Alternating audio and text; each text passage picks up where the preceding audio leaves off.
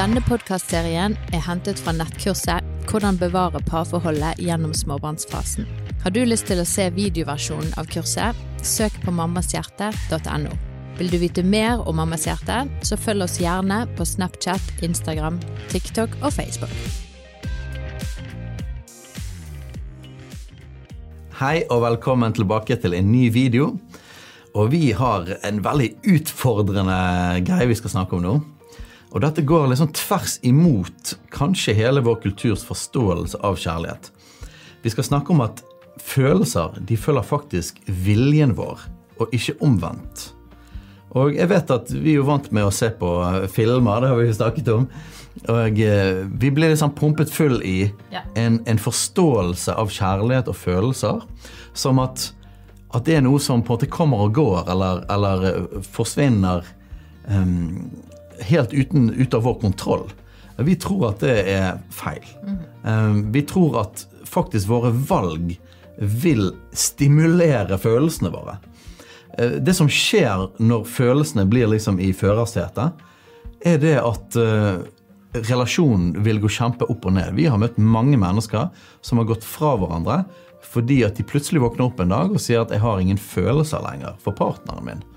Eh, og vi opplever at det er tragisk. Det er tragisk både for det paret, men òg for barna. Faktisk er det sånn at eh, følelser, hvis de får styre, så vil de gå opp og ned hele tiden.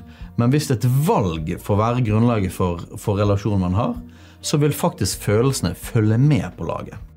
Og det vil jo ikke alltid føles så bra og så enkelt, men da tenker jeg at dette er en, en storm man bare må stå igjennom. Jeg har mye følelser, og jeg er følelsesstyrt. Og det har vært mye eh, vanskelige følelser opp igjennom, men det har vært utrolig viktig for meg at eh, jeg hadde en verdi, og jeg har alltid hatt en verdi, at jeg har aldri eh, hatt Det har aldri vært aktuelt for meg å på en måte la de følelsene jeg har hatt, eh, endre det valget jeg tok når jeg sa at jeg ville leve med deg, og, og sa ja til deg den 16. april i 2003. Eh, Men, og, det jeg det er en sånn verdi som jeg syns er utrolig viktig. At vi må stå ved det valget vi har tatt, og ikke la følelsene som kommer av vanskelige ting. For det kommer, livet er fullt av vanskelige ting.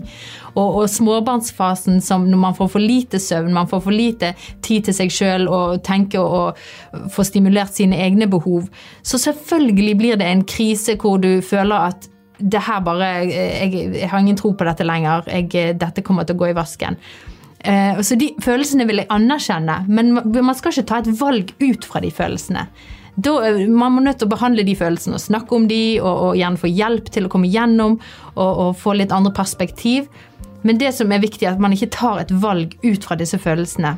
Man står ved det valget man tok for eh, 17 år siden, eller for dere eh, et, et annet tidsrom. Og så jobber man seg igjennom, for det fins måter å komme seg gjennom disse vonde og vanskelige følelsene på. Vi liker jo dette utsagnet at gresset er ikke grønnere på andre siden av gjerdet, men det er grønnest der du vanner det, og det gjelder følelser òg. Så hvis vi velger å holde sammen, og vi velger å jobbe med relasjonen, og vi velger å faktisk gjøre enkle grep, som f.eks. å bruke mer tid sammen og ha det kjekt sammen, som vi snakket om i forrige video, så vil det faktisk vanne følelsene. Det vil vanne relasjonen.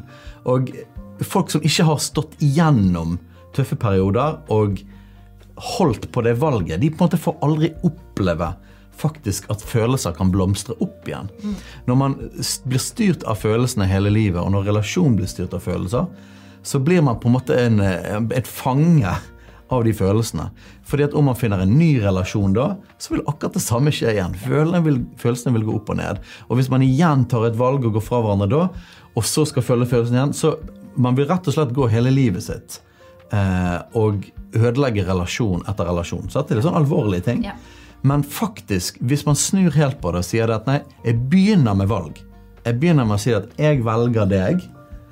Det kommer til å bli fantastisk, og det kommer til å bli utfordrende, men jeg står ved det valget. Hvis du velger å gå den retningen i livet, så vil faktisk følelsene følge etter. Og de sesongene når følelsene er litt sånn opp og ned, så vil ikke det du vil ikke ta valg basert på det. Og disse følelsene som kanskje kan være vanskelige og vonde, de, de oppfordrer jeg deg til å snakke med noen om. Snakk med en, eh, en venn, snakk med en mentor, snakk med partneren din. Eh, så kan man behandle de, få anerkjent de. Eh, man kan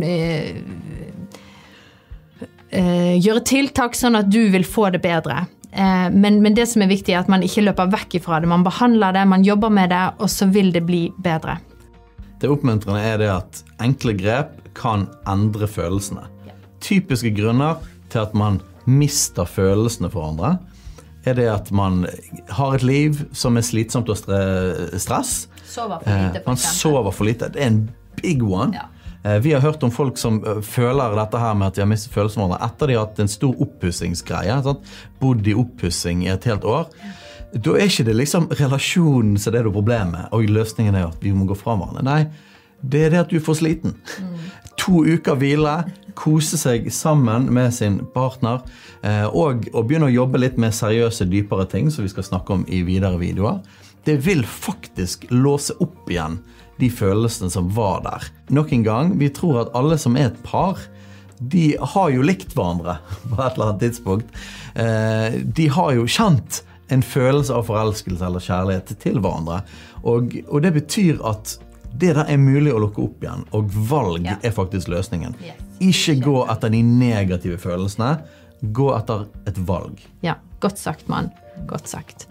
Så i neste episode skal vi gi dere noen eh, konkrete eh, hjelpeverktøy til hvordan man kan eh, blåse liv og flamme i disse gode følelsene. Da skal vi snakke om de fem kjærlighetsspråkene. Så følg med videre. Hei du. Visste du at Mammas hjerte er en del av Tro og Media? For å lære mer om tro og media, så kan du søke opp på tromedia.no, eller følge oss på sosiale medier.